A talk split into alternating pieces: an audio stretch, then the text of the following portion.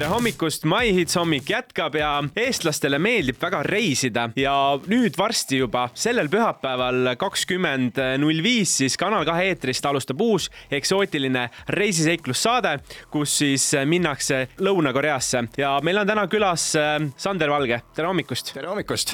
no Sander, võtan sind kohe liistule, räägi, mis oli kõige põnevam hetk või selline murettekitavam hetk, kui te Lõuna-Koreas käisite? no ma arvan, et kõige selline toredam jutumärkides hetk oli see, kui me olime laias laastus äh, terve ööpäeva reisinud erinevates lennujaamades, aega veetnud lennukites ja kui me nüüd jõudsime lõpuks Lõuna-Koreasse koha peale, siis äh, tuli ju kuidagi peatuspaika jõuda. noh, see on juba omaette seiklus, et kaardiga selle kõigepealt maksta ei saa, sa pead mingit sularaha välja võtma ja see metroopileti hankimine, see on selline omaette ooper. aga kui me lõpuks olime pika sellise paaritunnise seikluse seal äh, seljatanud, jõudsime hotelli hakkasime check-in ima ja siis öeldi, et kuulge, poisid, et tore küll, hotell on sama, aga kas te suunakoodi vaatasite? meil on siin linnas kolm sellist hotelli, kõik on ühesugused, aga meil on suunakoodid, ütleme lõpuga kuus, seitse, kaheksa. et teie hotell asub siit kolmekümne kilomeetri kaugusel, et head teed, aga õn õnneks nad olid selles mõttes väga vastutulelikud ja organiseerisid hotelli poolt meile täiesti tasuta transpordi õigesse kohta, nii et väga-väga hea lõpp lõppude lõpuks. ma kujutan ette, et see väsimusaste, kui te olite kuusteist tundi vist juba reisinud, pluss taksosõidud ja asjad, kaua teil see päev üldse kestis sellel päeval? Oi, seda ma ütlen ausalt, ise isegi praegu raske meenutada, sellepärast et noh, vahepeal see mingi tüki kaupa sai magada ka, aga eks seal lennusõit oligi selline, et äh, vahepeal oli turbulents jooksis, äh, lapsed jooksid lennukis ringi, ega selle magada praktiliselt võimatu.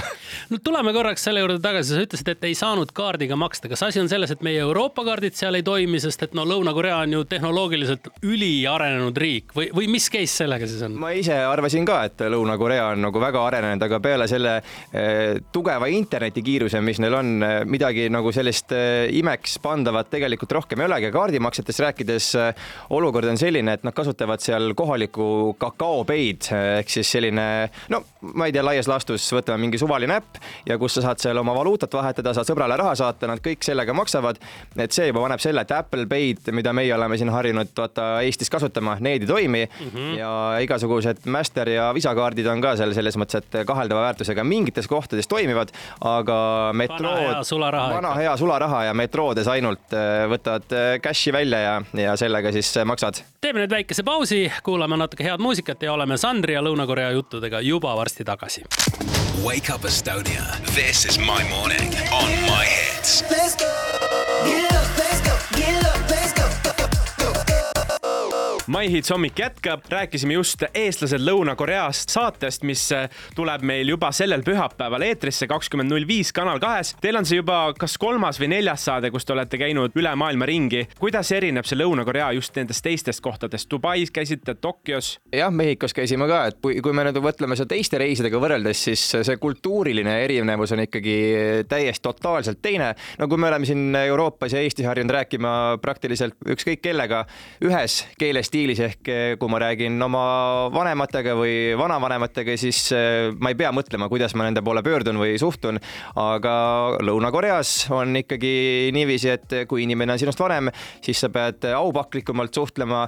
noorematega räägid sa sellises eh, võib-olla vabamas keeles ja seda täitsa õpitakse, seal on, kui ma ei eksi, on mingisugune viis, kuus või seitse erinevat keeleastet, mida sa tegelikult pead omandama ja see Lõuna-Korea keel selles mõttes ongi nagu hästi keeruline aga kuidas seal siis alguses selgeks teha, et, et kas inimene on sinust vanem või noorem või kas ta on mingi sellisel, ma ei tea, on ta ametnik, kelle poole sa pead eraldi kuidagi pöörduma, et kas selleks on ka mingid erilised viisakusvormelid, et, et sa kohe ei eksiks seal või sa lähed alguses ikkagi võtad sellise kõige suurema võimaliku aupaklikkuse astme ja siis sealt siis tuled nagu allapoole vaikselt? nii palju, kui me seal äh, ka ringi käisime, kuulsime, siis ikkagi jah, et esmalt ikkagi väga viisakalt ja kui sa oled esimese sellise kontakti saavutanud, siis sa juba sealt saad juba teha järeldusi, et kas inimene on äh, sinust noorem, vanem või mis iganes ametipositsioonil ta parasjagu on. eurooplase ja eestlasele kohaselt tuleb küsida ka ebamugavaid küsimusi, kas Põhja-Koreasse ka tahtsite minna?